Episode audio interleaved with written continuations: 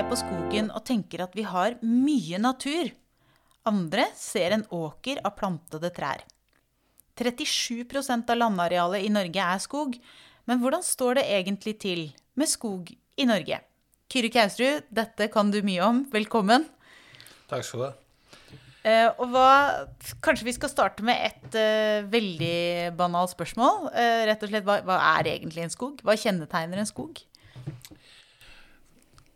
Skog, sånn som vi definerer det i den sammenhengen vi antageligvis kommer til å prate om, er veldig enkelt eh, definert som eh, landareal med en deknings, kronedekningsgrad på over 10% av trær som er fem meter eller høyere.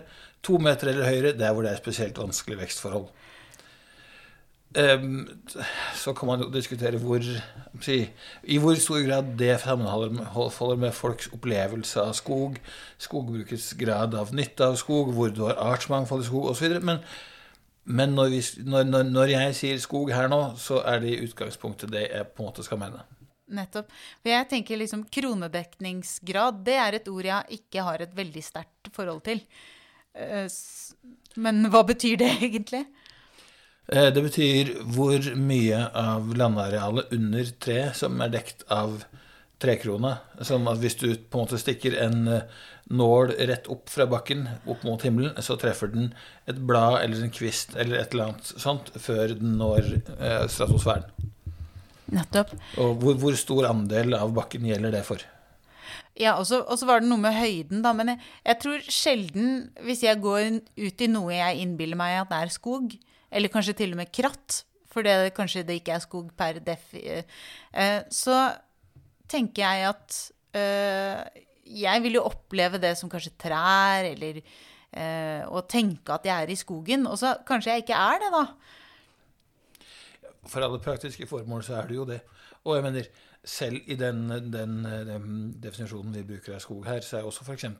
plantefelt definert som en del av skog hvis de er planlagt å plantes, plantes, igjen eller gro igjen så fort som mulig. Det som ikke er skog, det er eh, områder som f.eks. frukthager, parker og lignende. Ja, for det er jo også, det er også trær. Det er også tredekt. Men, men, når jeg snakker om skog, så er det i utgangspunktet ikke det jeg mener her. sånn. Men, men en, en, god park kan fort minne mye om en skog.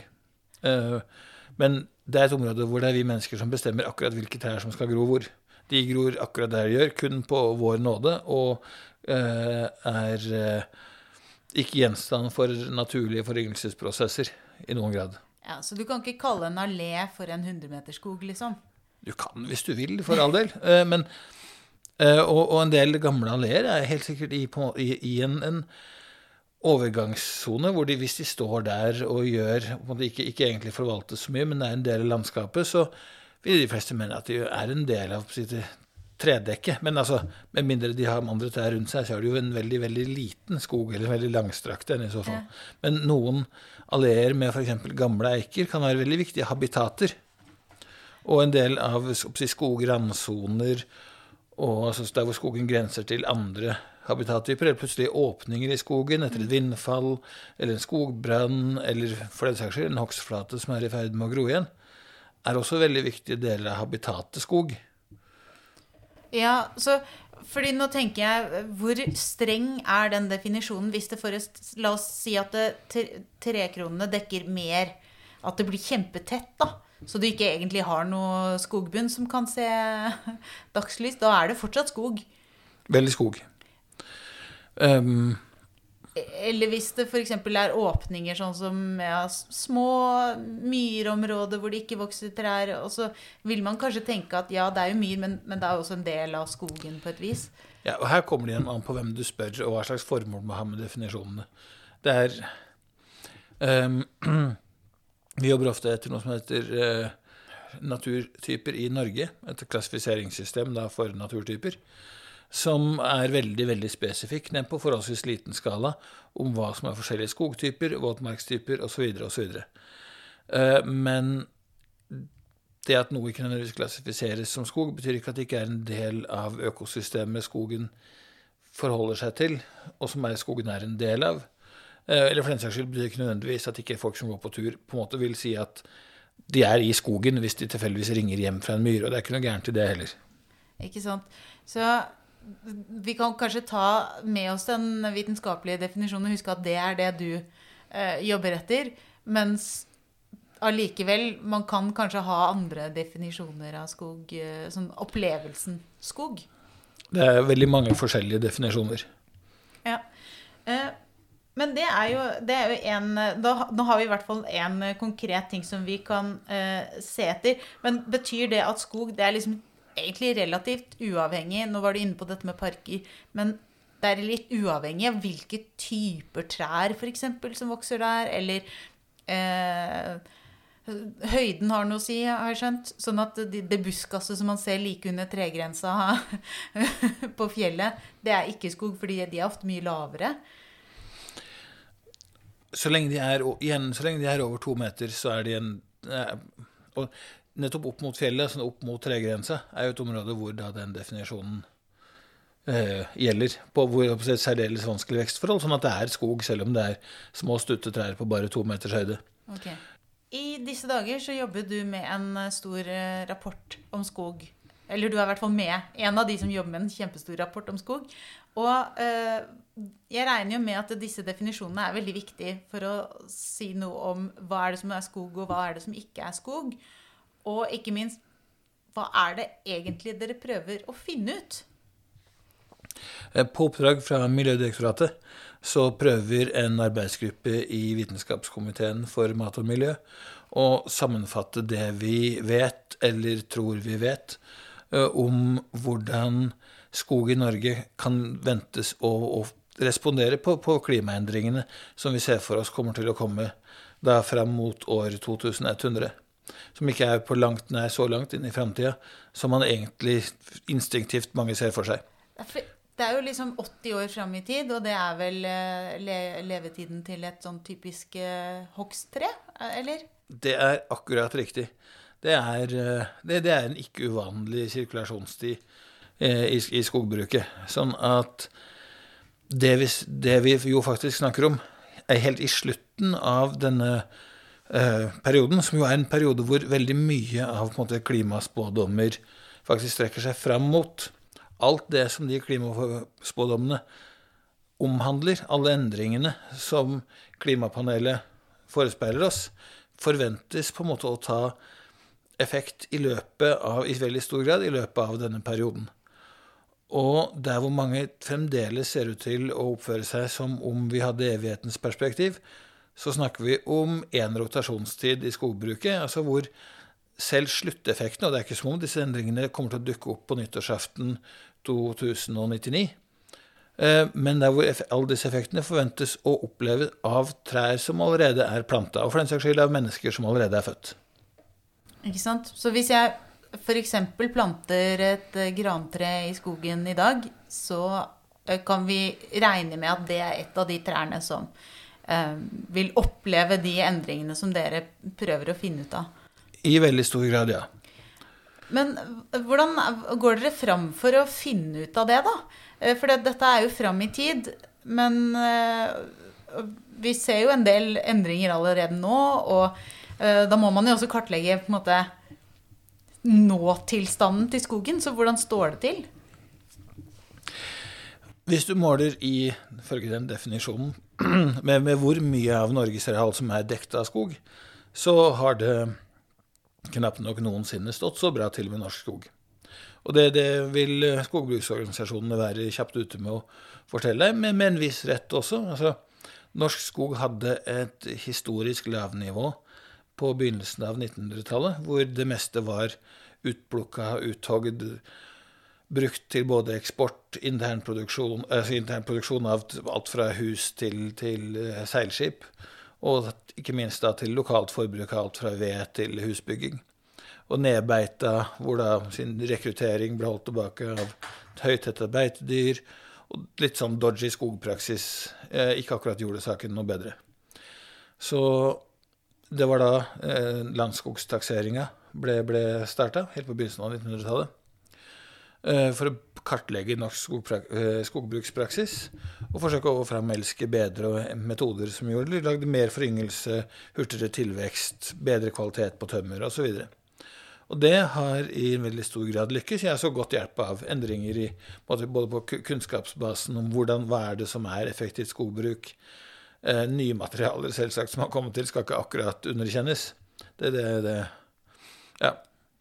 Til tross for at vi jo har blitt veldig mange flere mennesker i Norge siden da, så er på en måte naturalhusholdningen blitt vesentlig mindre.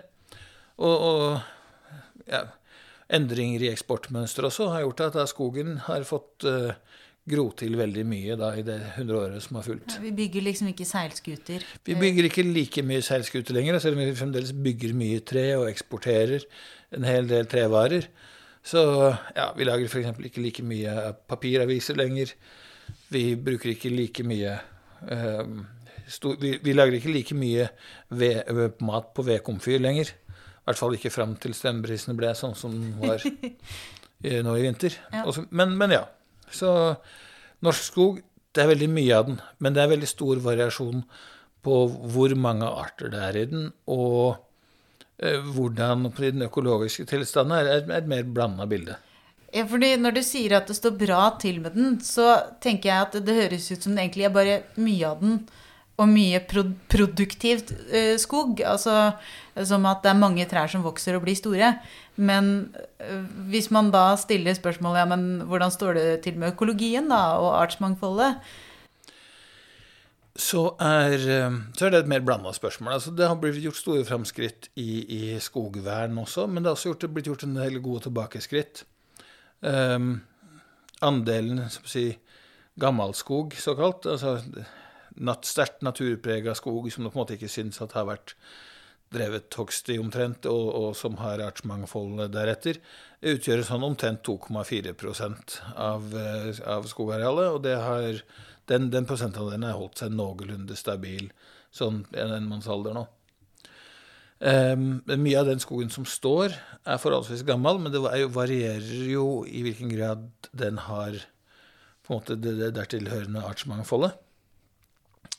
Og en del andre markører, sånn som jo tettheten av skogsbilveier, og da på, påvirketheten av, uh, av, alt fra hogst til, til turgåere til uh, annen, annen, bruk av terrenget, jo deretter. Og forskjellige arter påvirkes da i forskjellig grad av det. Noen som kun trives i, med god avstand til mennesker, får jo stadig mindre, mindre plass å leve på.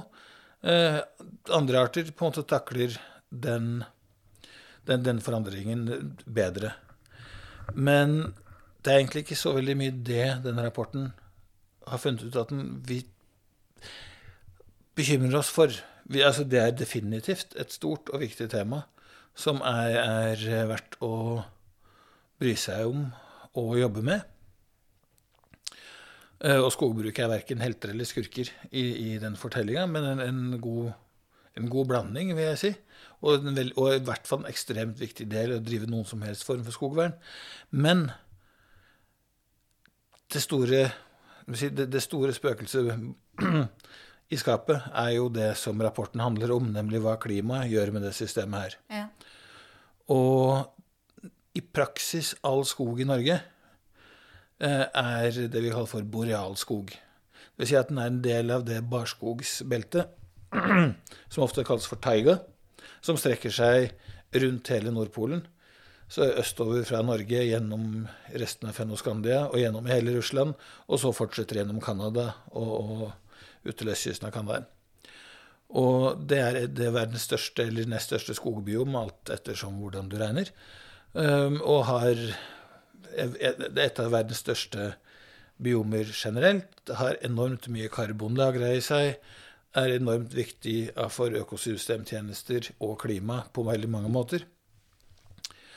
Og det aller meste av norsk skog er jo da altså, som dominert av bjørk, gran og furu. Den er ikke en spesielt artsrik skog sånn når det gjelder dominerende eh, treslag. Men hvis vi ser på klimaforventningene fram mot år 2100, så kommer det jo selvsagt veldig an på altså, Vi vet ikke hvor mye hva, hva fremtiden vil bringe. Fram til 2050 omtrent har vi en noenlunde gode ideer, nettopp fordi de endringene vi venter fram til 2050, de kommer til å skje uansett. Vi kan være så flinke vi bare vil med bærekraftsmål og utslippsreduksjoner og alt fram. Endringene som allerede er i gang fram mot 2050, de kommer uansett. Det er grunnen til at vi ikke har sett det, men det er bare treghet i systemet. Vi har allerede sett en del. Og det er på en måte, du, du kan ikke stoppe en oljetanker på en femøring. Når det først er i gang, så fortsetter det en stund. I beste fall har vi så bratte utslippsreduksjoner nå at vi får noen av de mer optimistiske scenarioene fra 2050 til 2100. I denne rapporten fra VKM så bryr vi oss ikke veldig mye om de, de mest optimistiske scenarioene. Hovedsakelig fordi det er ikke det vi har fått beskjed om. Det, det er ikke det den norske stat har vedtatt når staten vedtok og at man skulle følge føre-var-prinsippet. Vi skal ikke være manisk optimistiske. Og personlig så er, mener jeg heller at det ikke er noen veldig stor grunn til å være altfor optimistisk, altfor alt pessimistisk heller. Men, men, eh, vi skal ha en viss edruelighet når det gjelder hva vi egentlig tror kommer til å skje. Vi tar det som en bonus. Hvis de beste scenarioene slår til, så kommer vi til å ha tatt feil, og det kommer vi til å være veldig, veldig glad for. Hvis de sånn moderat pessimistiske eller pessimistiske eh, anslagene slår til, så vil mellom én og to tredjedeler, kanskje opp mot 75-80% av det som er norsk borealskog i dag, ikke være i boreal klimasone sånn etter 2070-2100.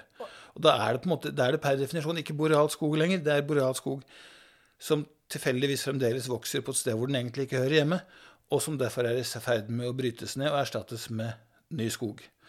Og det gjør jo på en måte endringer på fundamentalt nivå i hele systemet, hvor man, man, man kan ikke måte, altså, drive klassisk skogvern uten å på en måte ta det med i beregninga, er et veldig typisk tilfelle av å, å endre bordplasseringa på Titanic.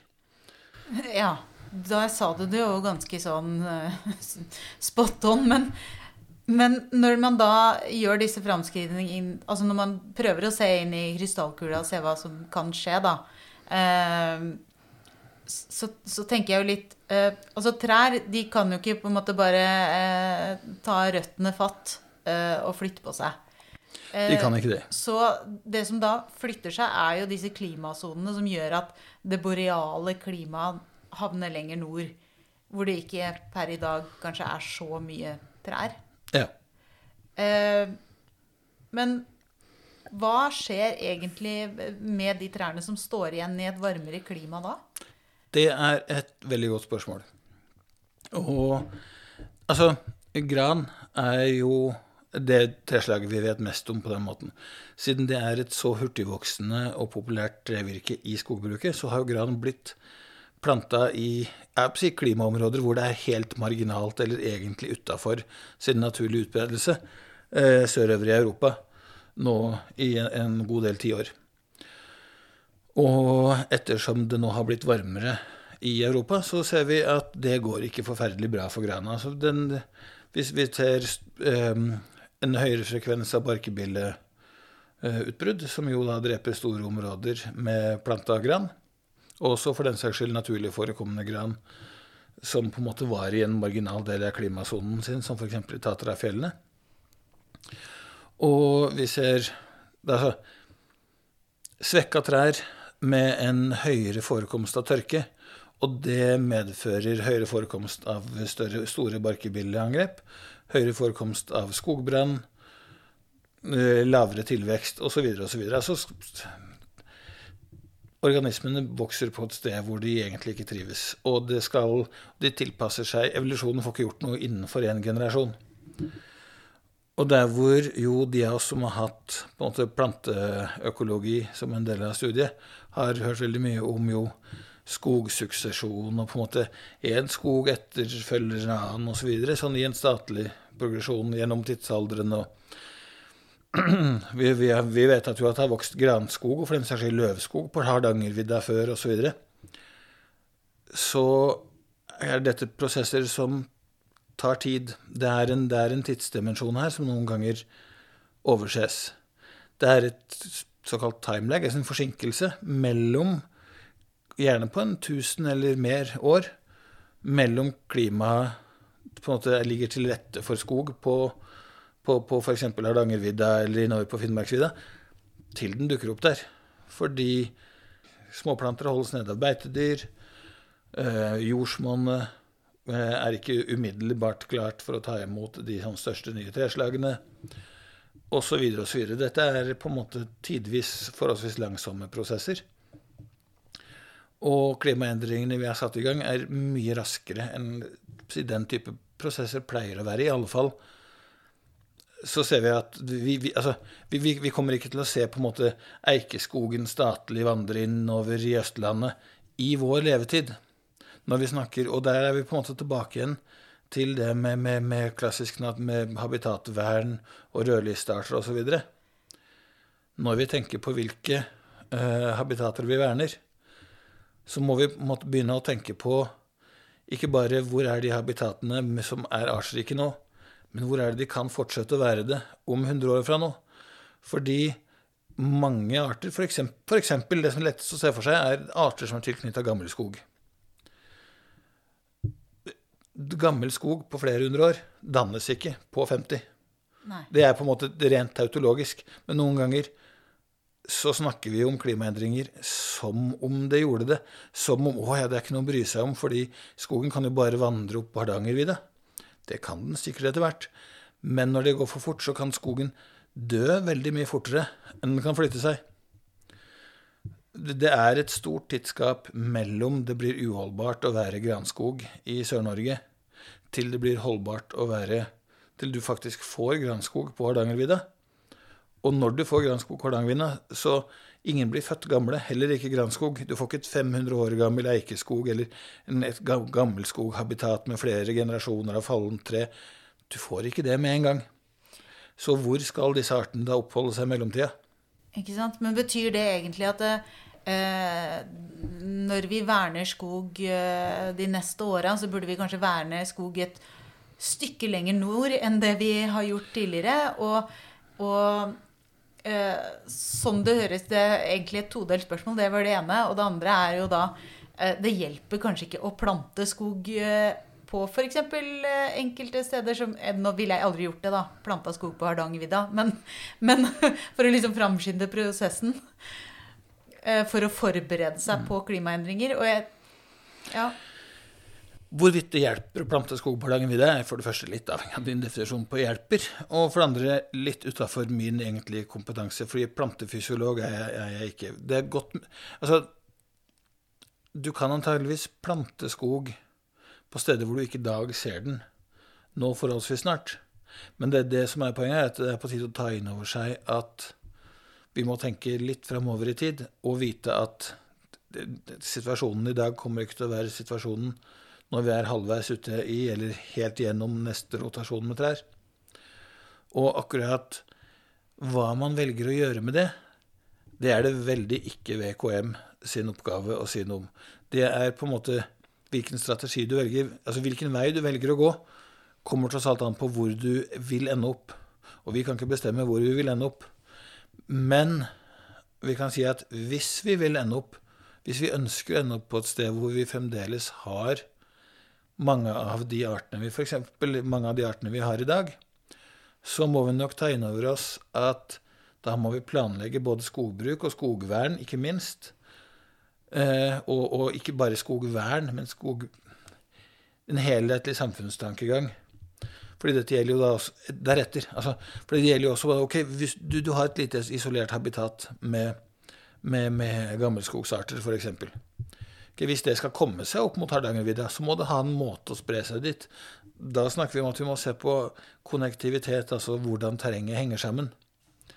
Eh, det er ikke alle arter som sprer seg sømløst gjennom over kilometervis med åpne åkre eller gjennom store boligfelt osv. Altså barrierer i terrenget bestemmer hvorvidt noen arter kan flytte seg eller ikke.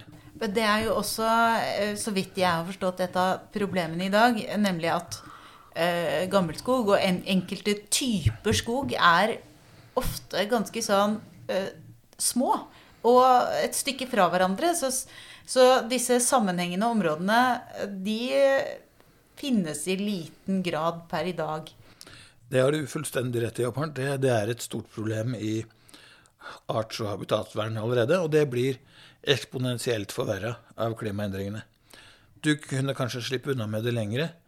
Altså, det er store problemer forbundet med akkurat det, selv om verden hadde forblitt statisk. Men siden jo verden ikke forblir statisk, så er da nettopp det eh, Så, så forverrer det den problematikken i veldig, veldig stor grad. Når det, det, du kan leve en stund på en liten øy, men hvis de øyene begynner å synke, og du må flytte deg til neste øy, så er det veldig vanskelig når de er for langt fra hverandre.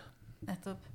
Men eh, du nevnte gran som et av de tresortene som vi har mye av i Norge, og som du vet at ok, de trives ikke i varmen. Men hva med, hva med de to andre som du nevnte, furu og bjørk? Hvordan går det med dem i et litt sånn varmere klima? Er det litt mer å håpe på der, eller? Eh, det er litt mer sammensatt. Altså Man kan ikke tenke på bare temperatur når man tenker klimaendringer.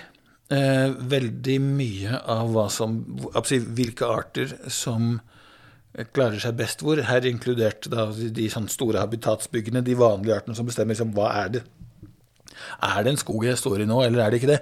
Eh, de eh, responderer jo minst like mye på ikke gjennomsnittstemperatur, men, men årstidsvariasjoner i temperatur, ekstremverdier i temperatur, ned, variasjon i nedbør, mengden av nedbør, og hva slags jordsmonn det er. Altså for eksempel så er furu veldig mye mer konkurransedyktig på, på skrinn og tørr jord, f.eks. Eh, bjørk blir veldig fort nedspist der hvor det er mye beitedyr. Eh, furu er også sårbar for det. Altså det, det er, den skogmosaikken vi er, er på en måte allerede et, et eh, resultat av veldig komplekse konkurranseforhold mellom de forskjellige treartene, pluss hva vi velger å plante. Uh, og det blir ikke noe mindre komplekst når denne skogen skal bevege seg nordover. Og, men den beveger seg jo ikke bare nordover. altså den, måte, den, forsvinner jo også på en måte i sør, eller blir bytta ut med andre ting i sør. Og her er det jo også da store spørsmål om hvordan vi forholder oss til det. Velger vi å på en måte se hvor lenge den holder ut, fortsetter som i dag, uh, og, og ser hvor lenge det kan vare? Eller velger vi eh, treslagsskifte, og, og, kanskje ikke nødvendigvis gjenplante alle eh, hogstfelt med bare ny gran, når vi antar at det kommer til å være eh, bedre klima for lauvtreet der eh, før på en måte neste rotasjon er gjennom. Igjen, ikke vår jobb å si noe om hva man bør gjøre, men definitivt vår jobb å si noe om at det vi velger å gjøre, kommer til å få konsekvenser, og vi bør ha tenkt gjennom det på forhånd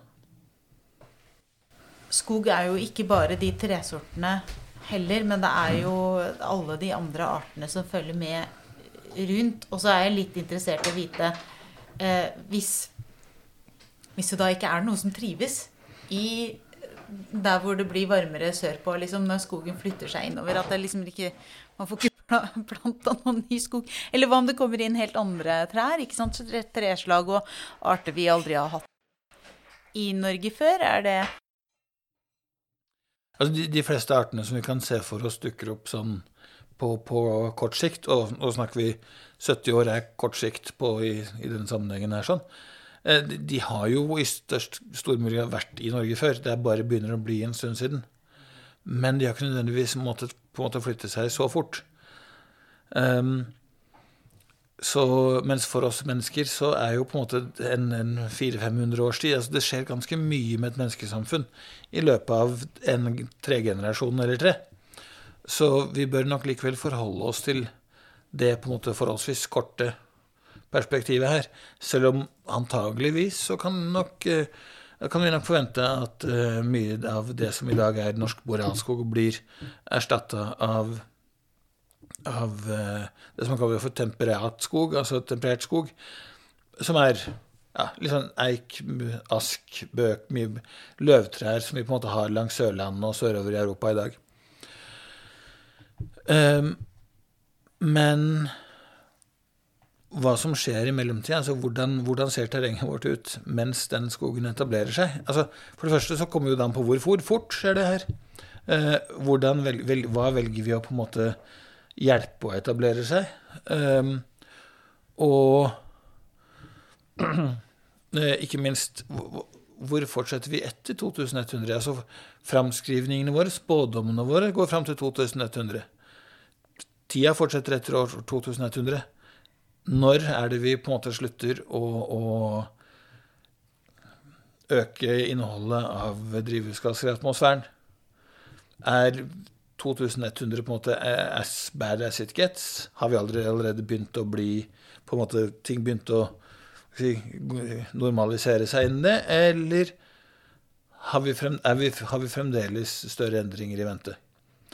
Det er ikke noe vi kan spå, fordi det avhenger av um, politiske og teknologiske og samfunnsmessige endringer som, som gjøres nå, og som ikke har blitt gjort ennå. Nettopp. Men uh, når dere disse uh, Lager disse kartleggingene da, og prøver å se uh, fram i tid, er det sånn at dere da henter data fra uh, gran, bjørk uh, og, og, furu som er lenger sør, og ser på ok, hvordan klarer de seg når det blir litt varmere lenger sør, og så måtte prøver å se hvordan det vil se ut hos oss? Blant annet. Vi henter inn Eh, alt vi på en måte klarer å, å, å, komme over av litteratur. altså Både på si, laboratorievekstfeltforsøk, fysiologiske forsøk, eh, historiske tidsserier, altså hvor man har rekonstruert vegetasjonen over historisk og forhistorisk tid ved hjelp av fossiler, pollenanalyser osv. Eh, og da komparative, altså sammenlignende analyser med hvor, hvordan trær Eh, av forskjellige arter har det på, de, på som du sier, steder i verden hvor det er litt varmere, litt våtere, litt mer vind, litt kaldere i dag. Så vi, vi, vi, trekker på alt vi kan, og så sammenligner vi det med det beste vi kan finne av, av eh, klimafremskrivninger, altså spådommer om framtida, som jo selvsagt er ja, mer usikre jo lenger fram vi ser, men noenlunde sikre fram til 2050 så er det jo sånn at skogen er jo ikke bare trær. Det er jo en masse andre arter. Og når det blir varmere, så er det jo mange eksempler på at det er en del insekter annet, som, som følger temperaturene nordover. Da. Eh, er det en del av disse artene som på en måte kommer til å påvirke norsk skog også, som vi ikke har så mye av i dag, eller kanskje ikke i det hele tatt? Um, jeg er redd for at svaret igjen er det kommer an på. Uh, altså vi, vi, har av insekter som har på en måte stor og dramatisk innvirkning på skogen, så er på en måte barkebillene og de andre sånn tredrepende insektene, uh, de som f.eks. angriper eh, bjørk osv., altså bjørkemålere, er jo de som på en måte er mest kjent og gjør uh, størst, størst inntrykk på skogbildet sånn på terrengskala. Og vi har jo allerede arter nok som responderer på Altså hvis, hvis trær er svekka, så har barkebillene eh, større utbrudd. Fordi trær som altså, Hvis du har en populasjon med mennesker som plutselig er svekka i en krig eller krisesituasjon, så får du store utbrudd med kolera. Masse folk dør.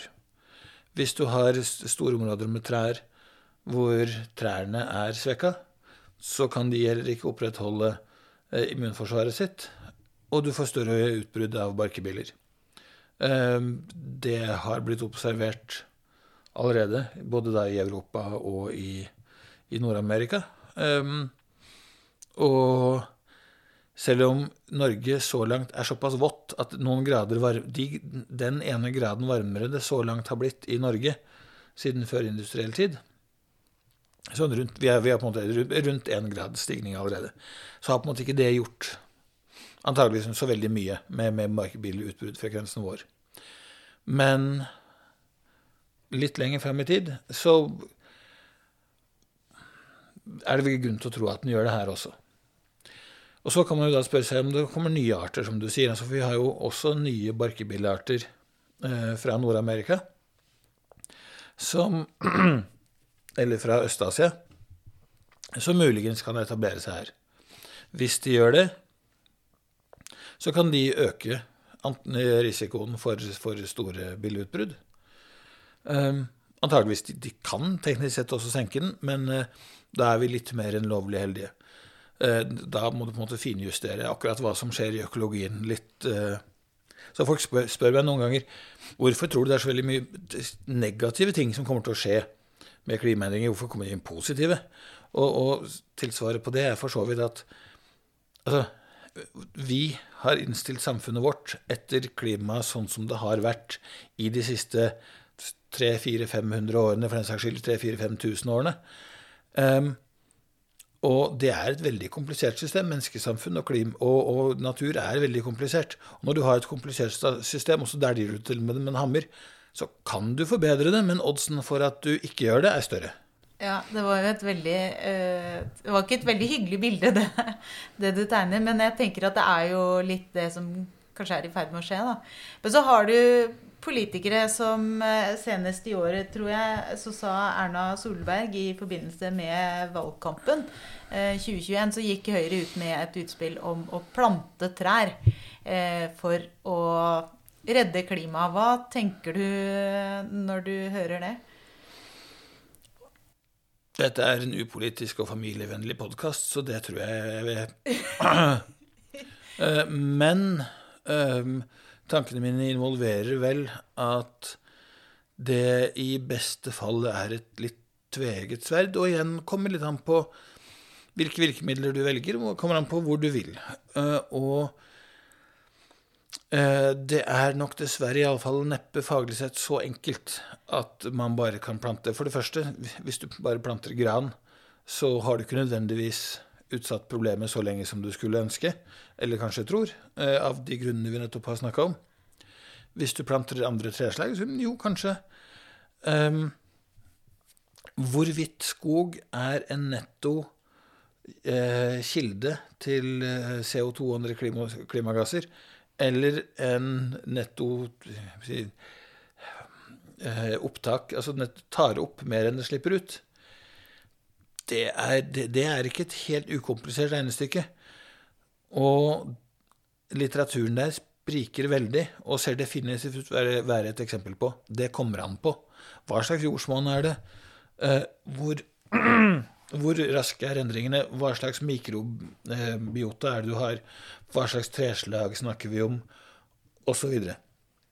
Hvorvidt skog er en eh, netto kilde til klimagasser, eller tar opp klimagasser og får dem bort fra atmosfæren, det er dessverre et skoleeksempel på. Det kommer an på. Det kommer an på hva slags treslag, det kommer an på hva slags jordsmonn, det kommer an på hva slags eh, mikroorganismer du har i det jordsmonnet, osv. Eh, og det kommer an på hva som har vært i jordsmonnet før. Altså hvor mye karbon er lagra på hvilken måte i det jordsmonnet fra før. Og ikke minst kommer det an på hvilken tidsskala er det du ser på. Um, mye av biomassen i skog er lagra under bakken, form altså hvis vi snakker om karbon. Um, mye av karbon i skogen skog er lagra under bakken. Eh, biomassen er både over og under bakken, men mye av karbonlageret er under bakken. Det som på en måte står oppå, er, en, er veldig ofte, igjen, det kommer på hvilken type skog, uh, en litt mindre del. Så det gjør ikke nødvendigvis det største innhogg å bare plante enda mer trær. Det er ikke, det er ikke, det er ikke der bøygen ligger. Hvorvidt de da fører karbonet de tar opp, ned i bakken og får det ut av sirkulasjonen eller ikke, det an på, kommer an på nedbør, det kommer an på mikroorganismene osv. Um, det kan jo legges til at skog påvirker klimaet på flere måter. altså Både ved å påvirke nedbørssykluser, men også ved å påvirke noe som heter albedo. Det vil si at hvor mye eh, sollys er det som reflekteres ut igjen i atmosfæren, versus hvor mye er det som tas opp og omdannes til varme. Og, og borealskog er veldig flink til å gjøre om sollys til varme. Eh, så vi kan, mens, mens, løvskog, temperatskog, stråler litt mer lys rett ut igjen, reflekterer litt mer, har ikke fullt så høy albedo. Så betyr det i praksis at en eh, granskog vil oppleves litt varmere? Eh... Ikke nødvendigvis nede i selve skogen, men, men på når vi snakker om store, store, store eh, arealer av den, så har den en, en litt mer varmende effekt på, på atmosfæren som helhet. Ikke nødvendigvis så mye at du føler deg mye varmere der du står og hutrer nede mellom granleggene, men, men, men, på stor skala, så, så ja, så, så, har den den effekten. Ja, for jeg føler liksom at det, det har jo eh, vært presentert som en sånn veldig sånn lettvint løsning. Sånn Yes, vi heier på natur, plant et tre. Eh, og, så, er det liksom politikernes eh, offensive måte å gjøre noe med problemet på. Og så er det kanskje noe helt annet man burde gjøre.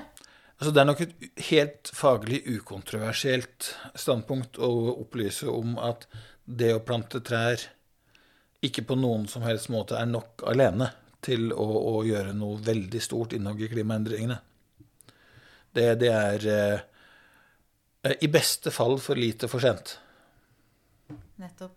Eh, hvis man skulle Kanskje, Nå har jo du eh, tydelig uttrykt at det, det, dette er eh, egentlig noen andre spor. Men hvis du skulle liksom få lov til å gi et politisk råd da, til de som eh, styrer, hva tenker du at de burde gjøre for å prøve å eh, få ting til å se bedre ut om en hundreårs tid? Få flere og bedre folk enn meg til å tenke på saken og høre på dem. Ik og hvor de folkene ikke har sin egen kake og mele i det hele. Og så ta dem på alvor. Um, fordi altså, det er et spørsmål som er altfor stort og komplisert. At jeg har, jeg har ingen Påstår ikke at jeg har noen som helst um, generell løsning på, på, verden. Sånn redder vi verden fra klimaproblemene. Det er eh, Nei, det, det, er, det har jeg ikke, dessverre. Eh, hadde det vært så enkelt, hadde vi antageligvis ikke hatt dette problemet til å begynne med. Det er en blanding av teknologi og implementering og fordeling, arealbruk, energibruk, ressursbruk, teknologiutvikling, teknologiutveksling. En veldig stor ting. Jeg føler meg forholdsvis sikker på at så lenge de som tjener på å ikke gjøre noe, får lov til å fortsette å sette en så stor del av dagsorden, kommer vi ikke til å gjøre noe tidsnok. Nettopp. Jeg tenker at uh, vi får håpe på at de i hvert fall hører på det rådet. At uh, de setter noen kloke hoder til å finne ut hva de skal gjøre, og at de hører på dem etterpå.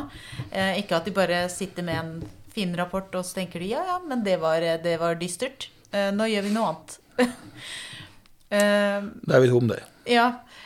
Så med det så tror jeg rett og slett at vi skal runde av. Tusen takk, Kyrre Kausrud, for at du stilte opp og snakket om skog og klimaendringer. Og så får vi håpe at de aller dystreste eh, scenarioene ikke inntreffer.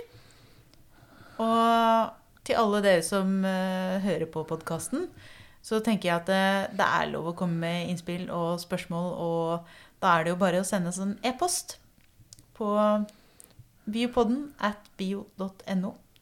Vi høres.